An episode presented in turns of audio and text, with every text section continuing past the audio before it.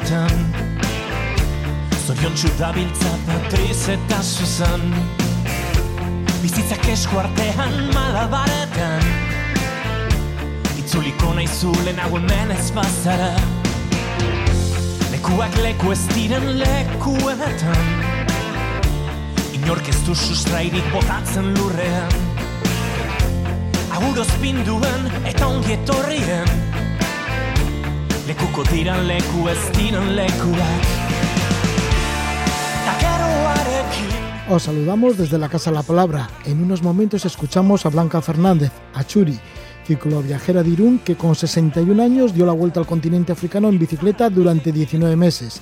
Le entrevistamos a Churi justo cuando finalizó esta gran aventura. Estaremos también con el escritor Pachi Zubizarreta. Nos presenta una colección de cuatro cuentos con el título de Garalar Maralar. El protagonista es Joanes, un pastor que tiene un piano y una biblioteca en su borda nos introduce en las tradiciones y leyendas de la Sierra de Aralar. Estaremos también al final del programa con la periodista y escritora Ana Puertolas. Ella, Ana, es la autora de un volumen elegantemente ilustrado con el título de Peregrinos hispano-musulmanes a la Meca. Es una obra de divulgación histórica que reúne el legado de estos viajeros que cumplieron con el precepto islámico de peregrinar a la Meca lo hicieron entre los siglos XI y XVII. Algunos de ellos dejaron constancia por escrito del relato de sus viajes y ahí Ana Puerto las ha documentado para hacer este magnífico libro. Y es que estas personas, guiadas por la fe musulmana, cruzaron el Mediterráneo, desiertos, montañas, ríos, hasta alcanzar la península arábiga, donde eh, se encuentra la Meca, el lugar más sagrado del Islam. Todo una aventura que nos lo cuentan a Puertolas. Pero antes estamos con Churi nos comenta esa gran hazaña, dar la vuelta al continente africano en bicicleta y en solitario.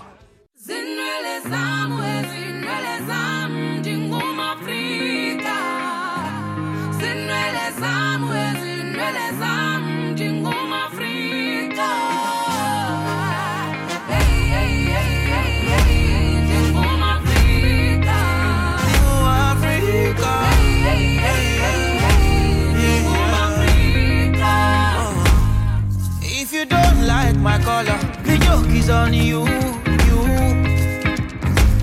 Yes, I'm black and that's my power. I got it from my mama.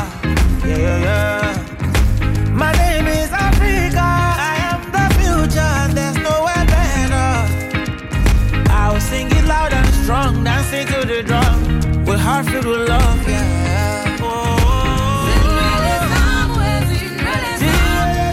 Es la cantante sudafricana Amanda Black junto con Adekunle Gul, que él es de Nigeria.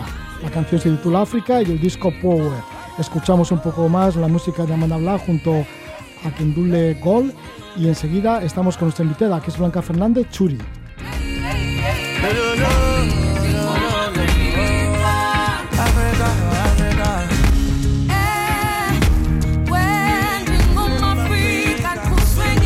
Nuestra invitada ha dado la vuelta al continente africano en bicicleta. Blanca Fernández Churi nació en Irún en el año 1958. Vive en Londres desde el año 1980.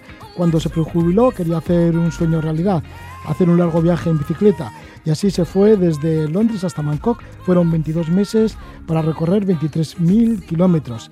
De nuevo estuvo en Londres, pasó un año y retomó de nuevo el viaje, y esta vez para dar la vuelta al continente africano.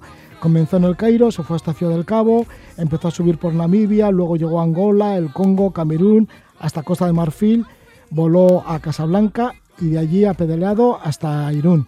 Y ahora le tenemos en Irún a Churi, a Blanca Fernández.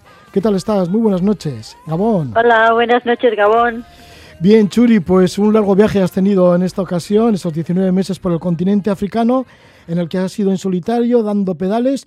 Tienes que tener mucha energía para hacer todo esto. Hombre, pues sí, lo que tengo son muchas ganas. Y las ganas es lo que te da la energía.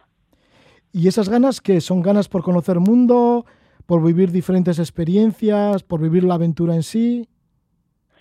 Un poco de todo, un poco de todo lo que has dicho. A, mí es que me encanta, me encanta la gente y, me gusta ver y experimentar la diversidad que existe entre todos nosotros me encanta la naturaleza, entonces el poder estar todo el día, 24 horas, porque acampo muchas veces, el poder estar 24 horas ahí fuera en contacto con, con este bellísimo planeta, pues, pues es todo un lujo. Y, y bueno, yo creo que muchas veces la gente me pregunta por qué, ¿no? ¿Por qué? ¿Por qué? Y es verdad que todas esas cosas que te acabo de decir son, son absolutamente ciertas. Pero bueno, es que yo estoy encima del sillín de mi bicicleta y, y me siento viva. Es como si cada célula de mi ser estuviera vibrando y entonces es una felicidad de estas absolutas y estoy muy bien, me encanta, me encanta esa forma de viajar. Sí, y no temes cuando vas tú sola, siendo mujer con más de 60 años, ¿tienes algún temor? ¿O te encuentras segura allá donde vas? Mm, mira, yo creo que muchas veces el temor, el temor está en nuestras cabezas. El, el ser mujer yo pienso que sí me pone en una situación más vulnerable de la que les pone a los hombres. Pero yo la gran ventaja que tengo es que tengo 61 años muy pasados, muy pasados, entonces hay ciertos aspectos de la vida eh, para los que yo ya soy invisible. Y el ser mayor y el estar viajando y el tener el pelo blanco, para mí es una ventaja, porque muchas veces lo que inspiro en la gente es respeto o, o ganas de ayudarme. Yo pienso que posiblemente una mujer más joven que yo se puede encontrar con una serie de dificultades con las que yo no me encuentro. Entonces, ¿tengo miedo? Lo que me suele entrar es cada vez que entro en un país nuevo, siempre tengo ahí como mariposas por el estómago, ¿no? Pero yo creo que es un poco la excitación de entrar en un país nuevo y la incertidumbre de no saber cómo van a ser las costumbres, qué voy a hacer para acampar, qué comidas comen, cómo me voy a entender con la gente. Pero miedo, miedo, miedo de este del que te paraliza, no he tenido nunca. ¿Y la soledad? ¿Has aprendido a vivir contigo misma? Sí, sí he aprendido, sí he aprendido a estar sola y me gusta, me gusta estar sola, esos momentos en los que, en lo que te sientas y eres tú y, tu, y el medio ambiente, em, no sé, te, te hace sentir, te hace sentir una paz interna que yo no creo que hasta el extremo en la que la estoy experimentando en estos viajes la había sentido antes. Claro que me entran momentos de nostalgia, porque bueno, nos entran a todos y tengo momentos altos y, y también me pegan bajones, pero lo que he aprendido es que cuando sientes nostalgia o cuando estás de bajón, es un sentimiento pasajero. Y lo que he aprendido es a estar y dejar que ese sentimiento siga su curso hasta que llegue el siguiente. Entonces. ¿Tus hijas se asombran de lo que haces? De estos largos recorridos, cruzando toda Europa, toda Asia, ahora la vuelta a África. Hombre, yo creo que yo creo que sí están un poco orgullosas de tener una mamá que es un poco diferente. Además, no sé, sobre todo teniendo hijas, ¿no? Me parece que es muy importante como mujer ser un rol para ellas y, y de alguna manera viviéndolo en el día a día mostrar que, que los sueños pueden ser vivibles. En el camino a Asia, uno de los obstáculos geográficos fueron la cordillera del Pamir. Ahí, bueno, pues conseguiste alcanzar las cumbres del Pamir, esas cumbres tan elevadas, lo conseguiste finalmente, pasando además muchísimo frío. Esto en Asia, pero en el continente africano, ¿cuál ha sido el mayor obstáculo geográfico? Pueden ser los desiertos, los desiertos, la selva también, los malos caminos. Normalmente las cosas venían todas dentro del mismo bote. Entonces, mm, los desiertos han sido duros. Los desiertos, por ejemplo, cuando crucé, cuando crucé Sudán, crucé y era casi su verano y había temperaturas de 46 grados, hacía mucho, mucho calor. Yo vivo bien el calor, pero hacía mucho calor.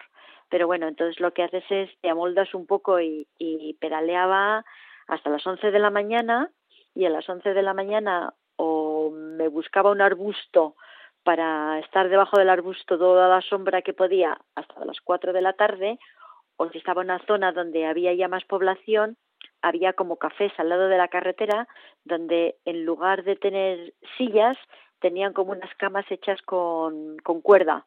Entonces simplemente me tumbaba y leía mi libro hasta las cuatro de la tarde, entonces te acumulas. En Namibia, Namibia, en Namibia, en Namibia aprendí lo bellísimo, lo bellísimo que es el desierto y lo especial que es y que parece todo lo mismo, pero el cambio de luz te cambia el medio ambiente, la cantidad de colores que hay. Parece increíble, ¿verdad? Pero hay una cantidad de colores increíbles y las carreteras allá sí que eran bastante malas porque no tienen carreteras asfaltadas, tienen alguna, pero por donde yo iba no había carreteras asfaltadas. Entonces allá de vez en cuando me tocaba empujar porque la superficie de la carretera eran unos 10 centímetros de gravilla y arena eh, con corrugaciones de pasar los coches en las que era difícil, difícil pedalear. En las selvas la dificultad para mí estaba en, en el clima. Bueno, estás en un medio ambiente en el que son unas selvas increíbles, impenetrables. Tú miras a cada lado de la carretera y lo que ves es como, una pared de verde y hay como una especie de microclima. Es como si le hubieran puesto una capucha donde la humedad, pues a veces era del 80, del 85%. Y yo no sabía que sudaban las manos. Yo me miraba las manos y tenía las manos cubiertas, cubiertas de sudor. Y estás constantemente, constantemente húmedo del, del calor tan grande que existe te tiras agua por encima y antes de terminar de lavarte ya se te ha humedecido el cuerpo con el sudor. Entonces son dificultades diferentes, pero bueno, en realidad eso es lo que hace el interesante el viaje, ¿no? Que, que vas pasando por unas experiencias y unos lugares muy diferentes. ¿Cargabas con muchos kilos en la bicicleta? Digo, porque si a veces tenías que pasar un desierto, tenías que cargar con mucha agua, entre otras cuestiones. Además que siempre te has acompañado a la tienda, ¿no? ¿Dormías casi siempre en tienda de campaña también?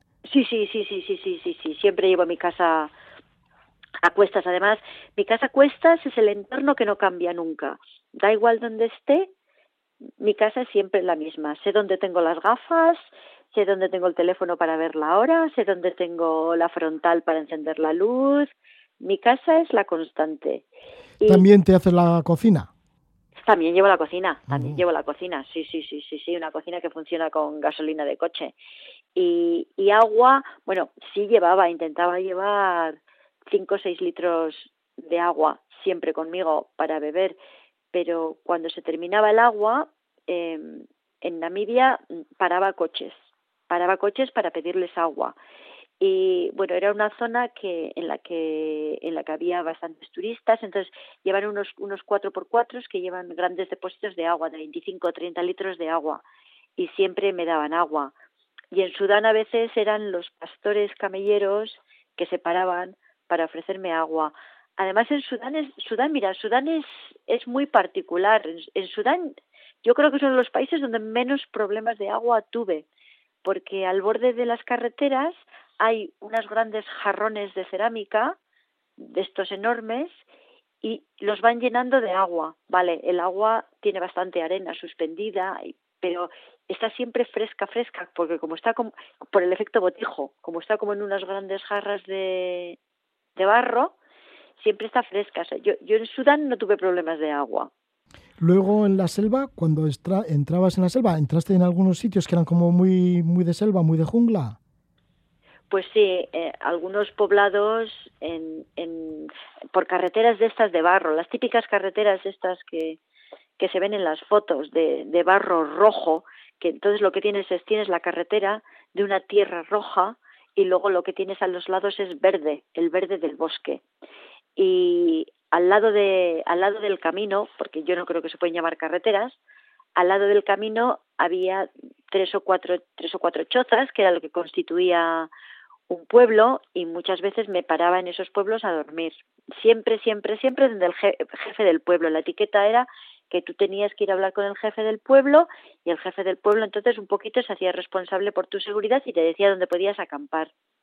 Pero en algunos de los que en los que me paré no había bombas de agua, entonces tenías que meterte por un caminito en la selva 10 o 15 minutos hasta encontrar una poza natural de donde salía agua entonces allá, allá veías que la gente de las casas estaban dentro del agua lavándose, estaban dentro del agua lavando la ropa y estaban dentro del agua recogiendo agua para beber. Yo siempre, en, en situaciones así, claro, hacía lo mismo, ¿no? Pero siempre trataba el agua. Yo llevo unos, llevo unos filtros que funcionan muy bien y llevo también pastillas potabilizadoras Entonces, en una situación como esa, lo que hacía era meterle una pastilla potabilizadora al agua primero y luego filtrarla. Entonces nunca he tenido problemas, nunca he tenido problemas intestinales, me ha ido muy bien. Churi, también has navegado por el lago Tanganica y además lo has hecho en un barco que ya es un clásico. Ay, sí, aquello fue un, fue un viaje maravilloso. Yo había leído que había un barco que llevaba en el lago Tanganica desde el 1913. El único, el único barco de la flota imperial alemana que todavía estaba funcionando. Y desde el 1956 ha sido un, un, un ferry que va del norte, desde la frontera con Burundi hasta la frontera con Zambia. Y yo tenía muchas ganas de hacer ese viaje, entonces me metí por una carretera muy remota que estaba en la frontera con Burundi hasta un pueblo que se llama Kigoma, una carretera en la que encontré a muchas ONGs de refugiados, porque hay muchos refugiados que se pasan de, de Burundi, y llegué al puerto. Entonces el barco es muy interesante. El barco ahora funciona con diésel, pero hasta hace muy poco todavía funcionaba con carbón. Y para algunos de los pueblos es el único contacto que tienen con el exterior, los pueblos que están en las orillas del lago. Entonces, eh, tú estás en tu camarote y por la noche es que casi sientes la energía que se monta en el barco y, y tocan el, no se llama el claxon, pero bueno, como se llame, el claxon del barco y entonces sales a cubierta y ves a gente que viene en canoas hechas con troncos de con troncos de árbol vacías o en lanchas pequeñitas con motores fuera de borda muy pequeñitos al lado del al lado del barco porque el barco no puede atracar porque no hay suficiente profundidad. Entonces vienen y del barco baja todo todo tipo de cosas que te puedas imaginar. Placas de pladur sillas de plástico piñas eh, ovejas, todo lo que te puedas imaginar sale de ese barco. Y la gente se cuelga de cuerdas con los niños atados a la espalda para bajar a las lanchas que les están esperando abajo. Y de las lanchas traen unos grandes fardos con unos pescaditos pequeñitos, pequeñitos, casi del tamaño de los boquerones secos, que hay mucho, mucho por allá, se usa mucho por allá para las comidas, para llevarlas a donde termina el liemba, para, para venderlas, es su fuente de, su fuente de ingresos. Entonces, esa gente tiene contacto con el mundo exterior dos veces, dos veces al mes. Y bueno, fue un viaje, fue un viaje fascinante, tres días, no, tres días y tres noches en el barco. Muy bonito. El Muliemba, que es un clásico, ¿no? El único barco que queda de la época colonial alemana en el Lango Tanganica, que va desde la frontera de Burundi a la de Zambia, que está lleno de energía, sobre todo cuando hacíais algún desembarco. Pues bueno, aquí, aquí yo se llenaba de vida. Y eh, los lugares en donde se ha amanecido en el continente africano también amanece así con bastante vida, ¿o no? Sí, en los pueblos. Sobre todo, sobre todo en los pueblos. Estás en los pueblos y bueno, primero empiezan los gallos a las 3 de la mañana, eso sí. Y luego ya es el quehacer de todos los días. las mujeres trabajan mucho, mucho, mucho, tengo que decir. Entonces van a buscar agua, se empiezan a hacer los fuegos, la gente, la gente sale, si hay algún campo, sale a los campos. Entonces, a mí eso me encantaba. A mí despertarme en los pueblos me gustaba mucho, mucho, porque era, era, era, era como tener una ventanita en la vida de todos los días en ese pueblo y bueno, luego si, si estaba en el desierto y estaba acampada, unos amaneceres con un sol que, que teñía, teñía las nubes de rosa preciosos. Y luego las noches del desierto, imagínate. Bueno, eso son, eso es un lujo total y absoluto, sobre todo cuando hay luna nueva, porque como no hay nada de luz y como no hay nada de luz, porque me acuerdo una vez había 300 kilómetros entre poblaciones, entonces realmente estás en el medio de la nada, tienes unos cielos, tienes unos cielos de estrellas con la Cruz del Sur que son increíbles. cielos de estrella increíbles, me acuerdo en el lago Bogoria, que es parte del Rif, el Valle del Rif, acampé, acampé allá cerca del lago Bogoria. Y aquella fue una noche espectacular. Había, unas estrellas en el cielo increíbles. Pero lo que fue todavía más increíble es que cuando, cuando bajé la vista al suelo, había luciérnagas, había cientos de luciérnagas. Entonces, era como si estuviera viendo un espejo, como si, como si el, el suelo fuera un reflejo del cielo. Y bueno, yo creo que aquella noche hasta me saltaron las lágrimas porque me sentí una multimillonaria, vamos. Sí, seguro que sí. Bueno, pues son las experiencias que nos está comentando Blanca Fernández Churi, que ahora se encuentra entre Irún y Endaya. Por fin ha regresado a su lugar de origen después de haber recorrido, creo que en total, entre lo que hiciste de Europa a Asia y lo de ahora de África, han sido pedaleando 43.200 kilómetros, ¿no, Churi? Sí, sí. Yo creo que para cuando llegue a Londres haré los 44.000. 44.000, que primero fueron los de Londres a Bangkok, fueron 22 meses para recorrer 23.000 kilómetros y ahora han sido 19 meses recorriendo todo el continente africano, bueno, dando la vuelta al continente africano y ha sido reconocida con el primer premio Viajero en Ruta otorgado por Lonely Planet y Geoplaneta. O sea que por lo menos ya eres reconocida. Sí, aquello, Fue, aquello fue una sorpresa que realmente no me esperaba. Me hizo mucha ilusión. Sí. Bueno, no es para menos, Echuri, porque lo que estás haciendo tú con 61 años, pues tiene su gran mérito y además esto, eres todo un ejemplo. Bueno, bueno, no sé. Sí, sí, sí, desde luego que sí. Pues muchísimas gracias, Churi, por atendernos. Muchísimas gracias, Blanca Fernández. Muchas gracias, muchísimas gracias.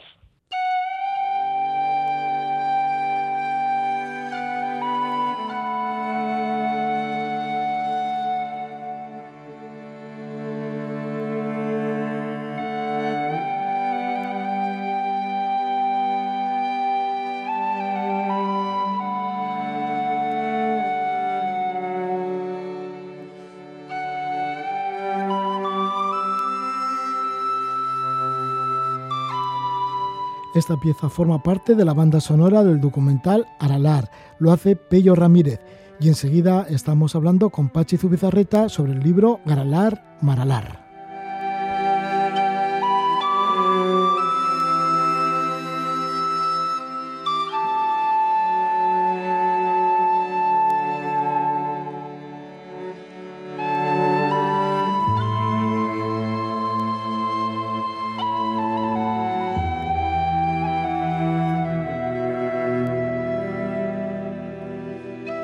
Estamos con el traductor, narrador y escritor Pachi Zubizarreta, originario de Ordicia, Guipúzcoa y residente en Vitoria-Gasteiz. Su carrera literaria oscila entre novelas para adultos y las dedicadas a niños y jóvenes. La última obra publicada es Garalar Maralar, una colección de cuatro cuentos cuyo protagonista es Joanes, un pastor aristócrata que tiene piano y biblioteca en su borda. Nos introduce en la vida pastoril y tradicional de la Sierra de Aralar Pachi Zubezarreta quiere hacer atractiva la vida de la Sierra de Aralar ahora que hay tanto déficit de naturaleza. Le damos la bienvenida a Pachi Zubezarreta. Gabón, Pachi. Gabón, Jorge. Pachi, pues ahí está. Aralar, que para ti también es como bastante cercano, ya que eres de Ordicia. Sí, desde mi casa natal siempre a la izquierda se veía la Sierra de Aralar, sobre todo la cumbre del Chindoki y a mano derecha Izcorri pero por cercanía, porque a Izcorri eh, la única manera que teníamos de acercarnos era coger el tren y bajar en Nozaurte, que creo que el tren ya no para ya en ese pequeño apeadero.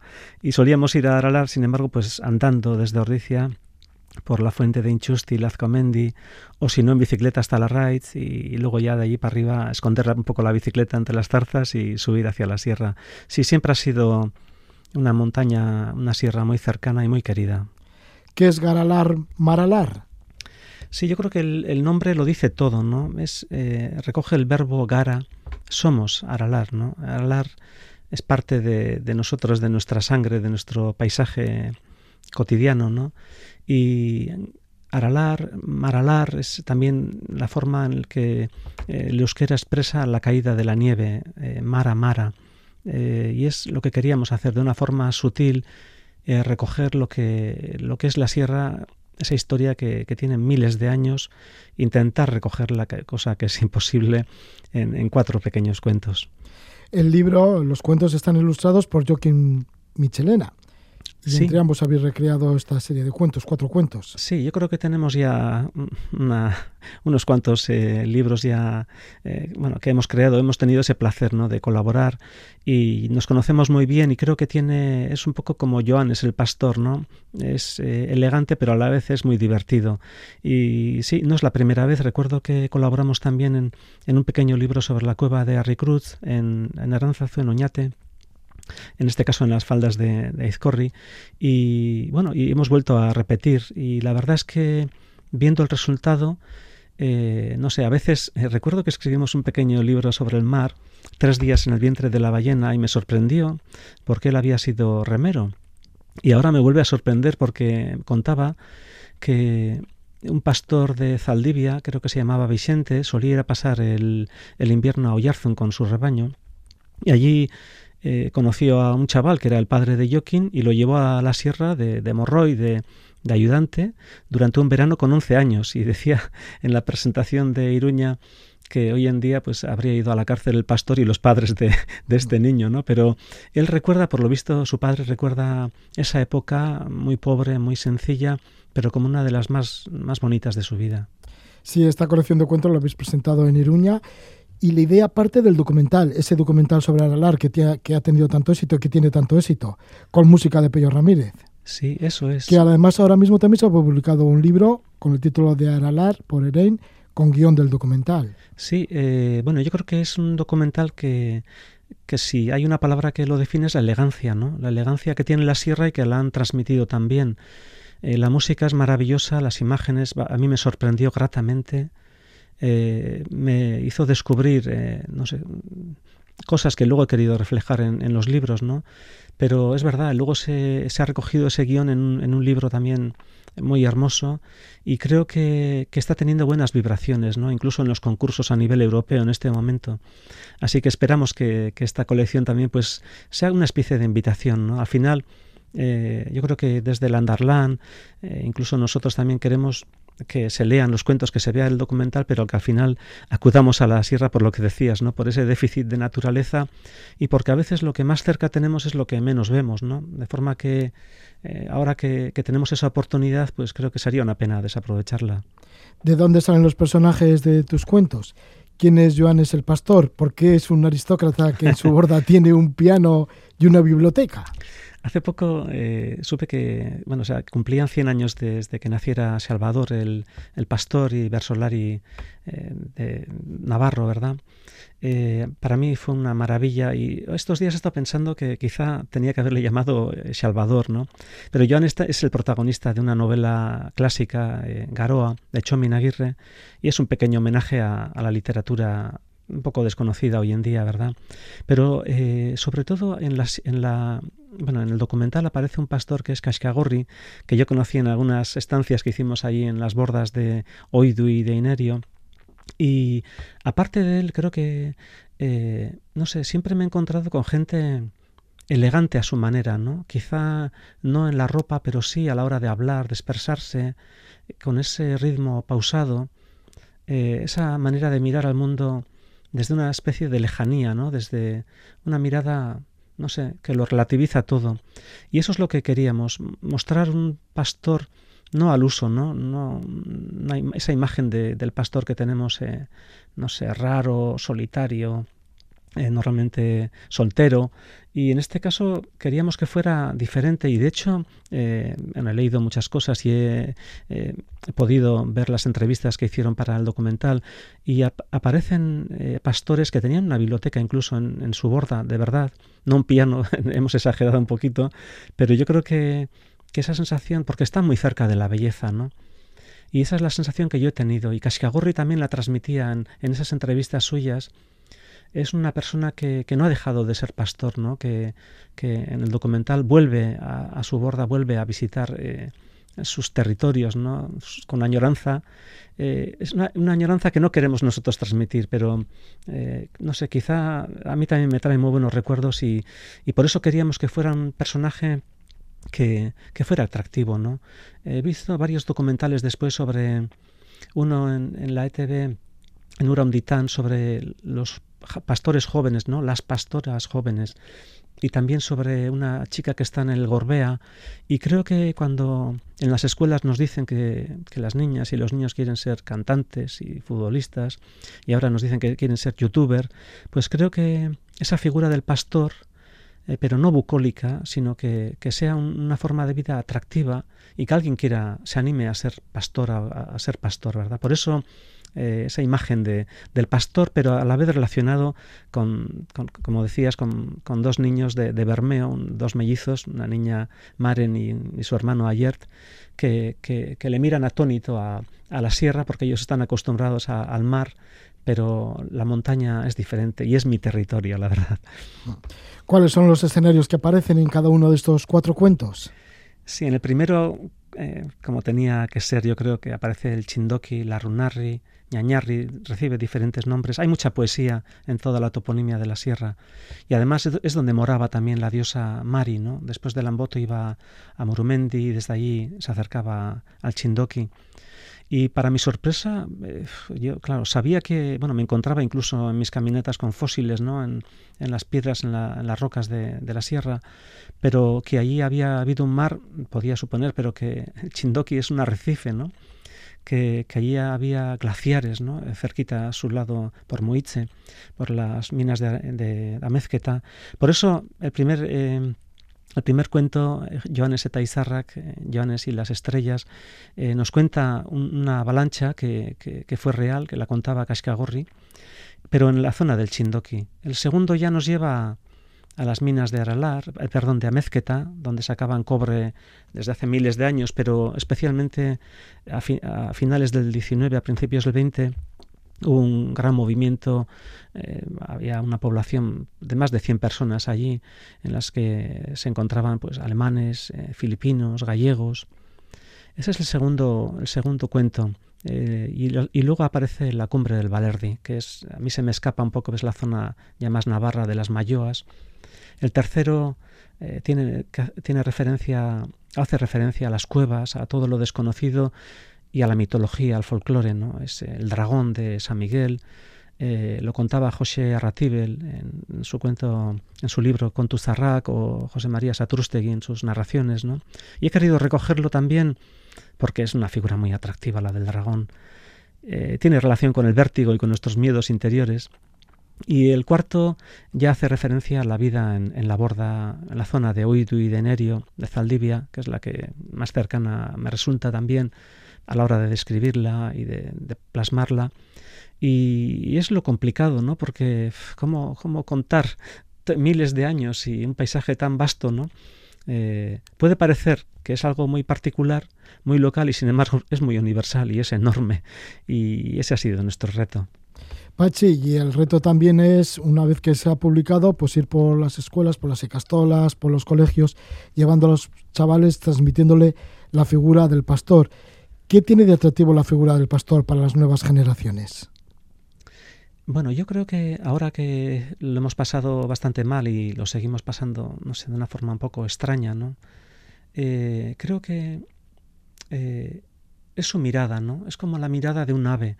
Eh, me da la impresión que hemos vivido tiempos en los que estábamos dentro de una niebla que no nos dejaba ver más allá de, un paso o dos pasos, ¿no? Como nos ha pasado tantas veces en la sierra, ¿no? Que nos hemos perdido, ¿no?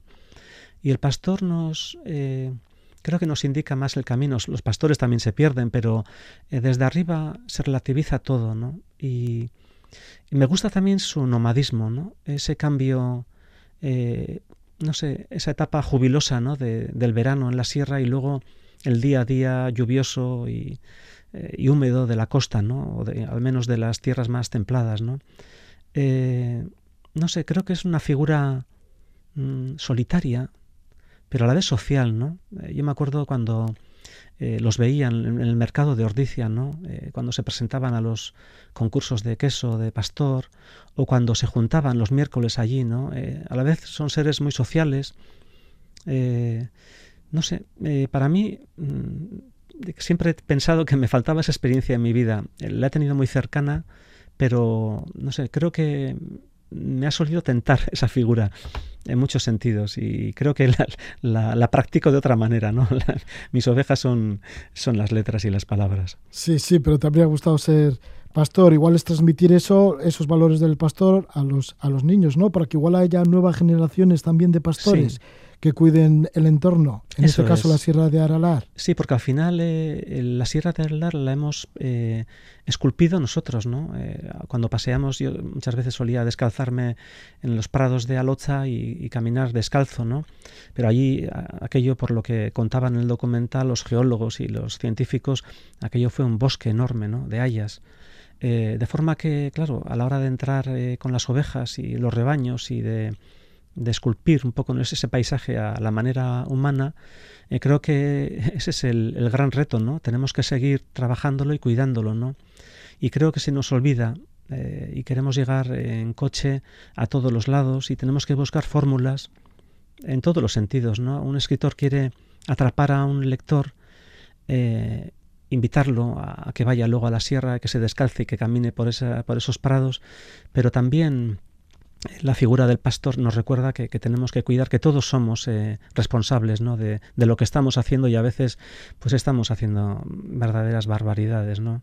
Ser más responsables y cuidar la naturaleza. Sí, más conscientes, ¿no? El otro día le, leía... Y no tantas pistas y urbanizar tanto el monte también, Sí, eso es. Eh, creo que la vida para ellos, y lo decía Olaizola, lo decía muy bien, ¿no? Sin, sin melancolía, ¿no? Pero que sea atractiva, ¿no? Eh, pero, decía Araujo, hemos eh, dejado de ser bosque para ser hacha y llama, desierto y aserradero, ¿no? Y creo que lo tenemos tan cerca que no nos damos cuenta, ¿no? Eh, lo tenemos a un paso y sobre todo entre semana, ¿no? En lugar de ir al Chindoki, por ejemplo, por el camino más trillado, ¿no? subir por el lado izquierdo o, perderse, ¿no? no sé, hace poquito, después de la presentación que hicimos en las cuevas de Menduquillo también, cerquita de Lecumberri, había una carreterita que yo no conocía, que era la de Astiz, Madoz, y de nuevo me sorprendió la sierra. Yo había andado por allí perdido, íbamos a ir a Lecumberri, terminamos en Irurzun, y ahí cogimos el tren de vuelta a casa, pero me volví a sorprender y creo que, que una buena caminata por la sierra y no sé, y luego un buen trago de agua fresca, ¿no? En Alocha o, o en Igaracha, o una buena botella de sidra, ¿no? Es lo que lo que la sierra nos transmite, ¿no? El placer eh, de caminar y la belleza eh, y sentirnos naturaleza de nuevo.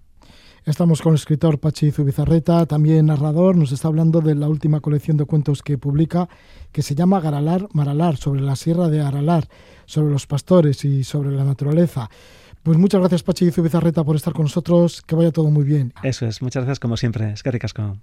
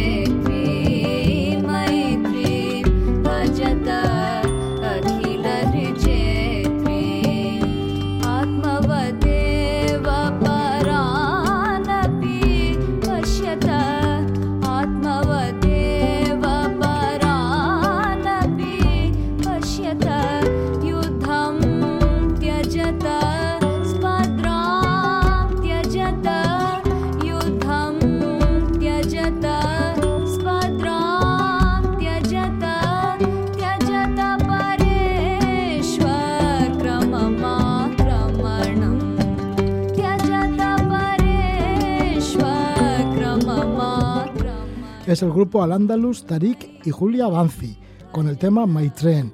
Vamos a hablar precisamente de Al-Andalus y de los peregrinos hispano-musulmanes que llegaron a la Meca. Estamos con la periodista y escritora Ana Puertolas, que es la coordinadora de un volumen elegantemente ilustrado con el título de Peregrinos hispano-musulmanes a la Meca. Es una obra de divulgación histórica que reúne el legado de estos viajeros que cumplieron con el precepto islámico de peregrinar a la Meca. Esto fue entre los siglos XI a principios del XVII. Dejaron constancia por escrito del relato de sus viajes. Guiados por la fe musulmana, cruzaron el mar Mediterráneo, desiertos, montañas, ríos, hasta alcanzar la península arábiga, donde se encuentra la Meca, el lugar más sagrado del Islam. La autora, Ana Puertolas, nació en Pamplona en el año 1945, ha publicado varios libros, entre ellos la novela Grupo, sobre un grupo clandestino en tiempos de Franco, y el libro de viajes París-Saigón. Ana Puertolas pues, tiene una larguísima trayectoria como reportera de viajes. Trabajado, ha trabajado en múltiples revistas desde los primeros tiempos de viajar, esto es en los años de 1970, hasta la versión española de National Geographic. Ella es socia fundadora de la Sociedad Geográfica Española y editora del boletín que publica esta entidad cada cuatro meses. También la Sociedad Geográfica Española ha editado mm, este libro que lleva este título, el de Peregrinos Hispano-Musulmanes a la Meca, del cual vamos a hablar. Ana Puertolas, bienvenida, muy buenas noches. Hola, muy buenas noches. Qué música tan bonita me habéis puesto. Ah, sí, bueno, es del grupo Al-Andalus Tarik, así que bueno, que viene un poquito a propósito. Sí, viene muy a propósito, estupenda es, sí. Sí, bueno, te preguntaré, ¿no? Porque estos peregrinos de Al-Andalus que iban de la península ibérica a la península arábiga dejaron abundante mm, documentación para poder seguir sus pasos. ¿Has podido seguir bien sus pasos? Pues mira, he podido seguir sus pasos, pero no del todo bien, porque la documentación es escasa. Es verdad que algunos eh, escribieron sus, sus, sus impresiones y eh, relataban sus aventuras, porque realmente no era un viaje cualquiera. Entonces, en el que había muchos, muchos sucesos, ocurrían muchos, muchas cosas buenas, pero muchas cosas malas también se enfrentaban a problemas, a problemas desde pues desde los, los digamos, eh, salteadores de barcos hasta los salteadores del desierto, o sea que, que no era cosa fácil. Pero unos dejaron, como digo, escrito en una, en, un, en una especie de como libro de viajes que se llama Rila y que son documentan el viaje que, que han hecho hasta la Meca. Mm, pero esos son los menos, los que tenemos documentos escritos.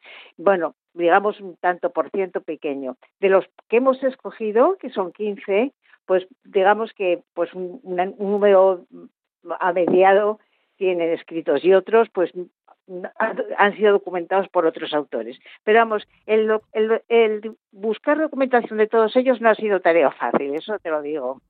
¿Y cuál era la característica de estos 15 personajes que aparecen en el libro, de estos peregrinos de Al-Ándalus? Pues mira, estos peregrinos de Al-Ándalus eran, mm, pertenecían a las clases altas de, las cortes mm, musulmanas de, Al-Ándalus, tanto de la corte de Córdoba o de Granada o de Almería, también vienen de Murcia y también de Aragón. Entonces, son, son personas que están muy bien, su familia está muy bien situada, eh, han recibido una formación y una educación muy amplia. Las cortes eh, eh, musulmanas españolas tenían un nivel cultural muy alto, muy alto. Mm, como se sabe, varios de los, de, los médicos de estas cortes estuvieron, fueron llamados por los, por los reyes cristianos para curarse de algunas enfermedades difíciles. Entonces tenía un nivel muy alto y estos esta es, precisamente entre esta gente, digamos, de, de, alto nivel económico y cultural de los que hemos podido conseguir datos, porque lógicamente era un viaje mm, largo y caro. Las cosas son así, o sea, y además por, mm, digamos que es el, la manera, o sea, el viaje a la Meca es un precepto del Islam, el quinto precepto del Islam, y lo tienen que hacer todas las personas que tengan medio económico para hacerlo. O sea, no es un precepto que se dé, que, tengan por qué cumplir las personas que no tienen medios económicos. Sí. sí, así que estos hombres pues sí que tenían esos medios económicos, también estudios históricos, matemáticos, médicos, arquitectónicos. Tenían una formación una formación cultural alta eh, y, eran, eran personalidades destacadas de su época. Y para cumplir este quinto precepto islámico, peregrinar a la Meca, ¿qué debían abandonar? Pues debían abandonar su, primero debían dejar, dejar mm, su, su casa. Normalmente había, había algunos que han ido con su familia, o sea, tenemos, por ejemplo, eh, uno de ellos, eh, el más antiguo, justo, al Udri, que este fue a los fue a los 12 años o así, es el primer viaje a la Meca. Otra vez fue fue más tarde, pero fue con su familia eh, y fue un poco pues que fue la familia entera a peregrinar a la Meca, era de Almería, eran de Almería. Bueno, pero normalmente eran gente ya adulta y normalmente sin compromisos matrimoniales y con muchos de estos eran además de, bueno, ser todos musulmanes, evidentemente, porque si no, no, irían a la Meca, pero muchos de ellos pertenecían al, al movimiento sufí. Había, tenía muchísima importancia el, sufismo en las cortes españolas. Hubo muchísimos teóricos y, y, filósofos del sufismo, y muchos de ellos pertenecían a este movimiento. Dentro del Islam, pues un movimiento de, cofradías, de, movimiento de cofradías, que bueno, que es que, en torno a un a un teórico musulmán, pues eh, a una eh, con propósitos religiosos. ¿Y cuál era la ruta que seguían? ¿Y qué pues peligros y qué peligros se acechaban en el camino? Ya has nombrado pues algo de los bandidos, ¿no? Pero podrían ser muchos más, seguramente. Pues sí, pues mira, la ruta que seguían era prácticamente con pequeñas diferencias la misma salían del, del sur de, España, que es de donde casi todos eran, bueno, si no, si, prácticamente lo eran casi todos, eh, cruzaban el estrecho y entonces ya una vez en, había distintas distintas opciones. Desde había algunos que desde el mismo Ceuta cogían un barco y se dirigían directamente hasta Alejandría esos eran los menos. Los la, lo digamos lo más normal entre ellos era que aprovechasen ya la llegada a, Marruecos para acercarse hasta Fez, que era una ciudad santa y con, digamos, con una mezquita que atraía mucho a, muchos sabios musulmanes y, muchos doctores, en, doctores llamarlo así, o sea, personas sabias en, en, en distintas eh, medios, en distintas medicina o en arquitectura o en o, o en agronomía, en fin, de todo, sabía de todo, entonces se quedaban allí en, en, Fez una temporada. Otros se iban más hacia, hacia Cairoán, en Túnez. Algunos iban hacia Argelia, pero todos, todos, casi todos, digamos, en casi, creo que un 100%, eh, por lo que yo he podido comprobar, en algún momento tomaban un barco y iban a Alejandría. O sea, hacían un salto por el Mediterráneo. Entonces, eh, una vez en Alejandría, iban al Cairo. El Cairo era, digamos, un foco cultural eh, importantísimo del, islamismo. La, mezquita de Al-Azhar ah, es una, mezquita maravillosa, por cierto, que sí, que recomiendo a todos los que vayan al Cairo, tan importante como, los pirámides, por decirlo así, es esta mezquita que era realmente una escuela coránica donde se reunían sabios de toda de todo el Islam para, para juntar sus conocimientos, contrastarlos entre ellos, enseñar a alumnos, siempre tenían una corte de alumnos que iban que les seguían, etcétera. Entonces estos peregrinos nuestros pasaban por el Cairo. Y después de las afueras del Cairo había una zona que no puedo decirte cuál era exactamente, que donde se formaban las caravanas, porque nadie, nadie se atrevía, claro, no se podía ir desde el Cairo eh, por, los, por el desierto hasta llegar a, a la Meca. Entonces lo que, lo que se juntaban son caravanas, caravanas que iban bastantes peregrinos y también como de, alguna forma se pagaban una especie de ejército, llamémoslo así, ¿no? Digamos con lenguaje moderno, pero bueno, eran pagaban a gente que les podían defender ante los ataques de, de, salteadores de caminos, ¿no? Que sabían que esta gente, o sea, que era una ruta que se seguía por las, las caravanas que era siempre la misma ruta hasta llegar a la Meca. Este, este era el camino clásico de, nuestros de nuestros peregrinos que venían de Occidente, que se llamaban así, no los, los musulmanes de Occidente, los, los peregrinos de Occidente. Esto era la ida, una vez llegaban a la Meca, pero les faltaba volver, el regreso. Bueno, sí, se faltaba volver. Entonces, allí en la Meca, de todas maneras, no creías que era llegar y salir, no. Mm, era mm, se podían pasar algunos se pasaban meses alguno hubo que se pasó algún año entero dos años em, porque bueno pues una vez que llegaban allí pues al, a la ciudad más santa del Islam pues ya se quedaban había mucha gente interesante que iba también desde otros puntos de, del mundo islámico. Entonces mm, pues allí se hacían, pues eso, conferencias, eh, había tertulias, por, digámoslo con lenguaje moderno, ¿no? Entonces mm, se pasaban mucho tiempo allí hablando con, con, grandes, grandes sabios islámicos. Entonces, luego la vuelta, algunos lo hacían en barco y eh, por el Mediterráneo con problemas porque había mucho había mucho mucho bandidismo por el Mediterráneo. Otros llegaban eh, tenemos un, par de ejemplos de, estos grandes estos grandes peregrinos que, mm, me estoy acordando de uno en, en pero bueno, que, que, que, se llama así, que se llama Hamid Agarnati. Pues este, por ejemplo, se recorrió toda Europa hasta que llegó, por Europa llegó hasta, hasta España, o sea, a través de Europa, ¿no? Por, por Bulgaria, Rumanía, etcétera, ¿no? Todo centro Europa hasta llegar otra vez por Francia y España.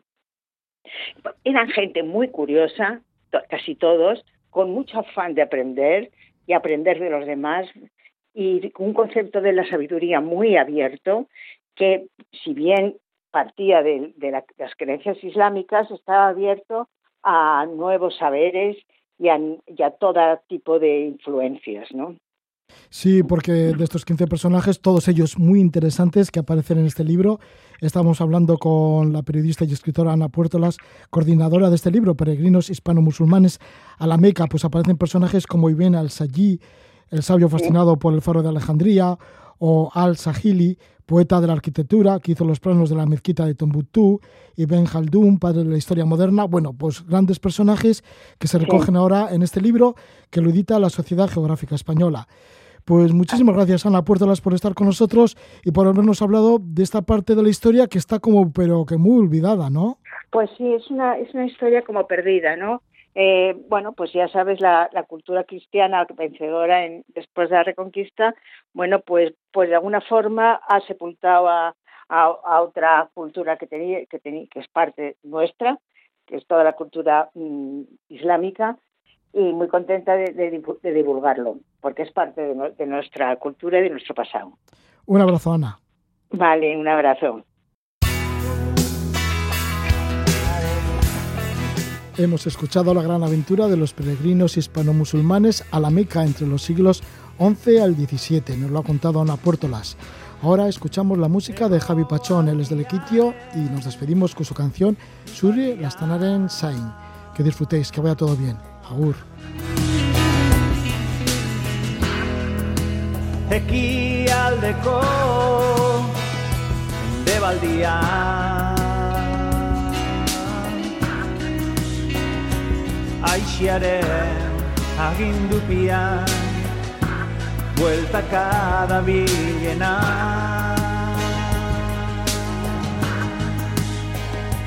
Zure lastanaren zain dagoen lerdena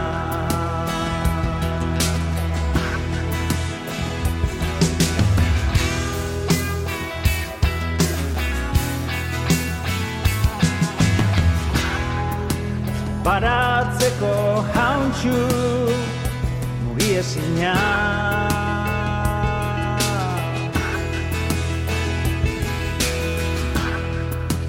Lurri iltzatu Tako ja.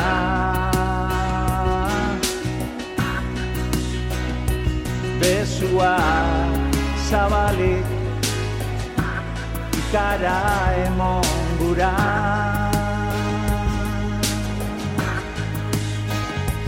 Zure lastanaren zain Dagon txori malua.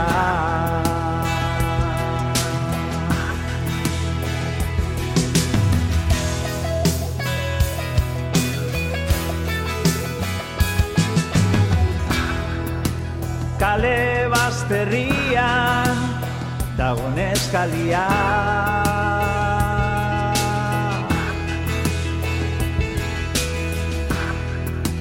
Inor gutxiri ardura jakona.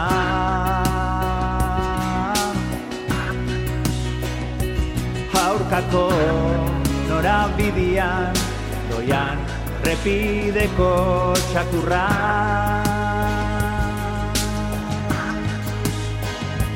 Zure lastanaren zain dagon alperrik galdua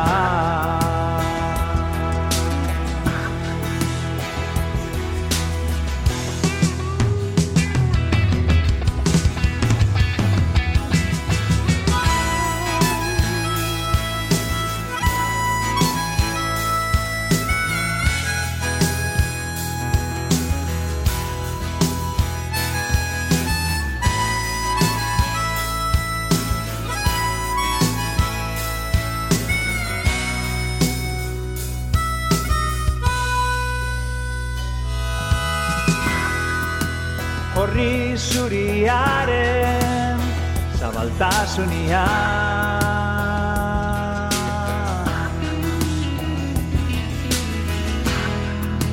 Murgiltzen doia zen hitz umezurtza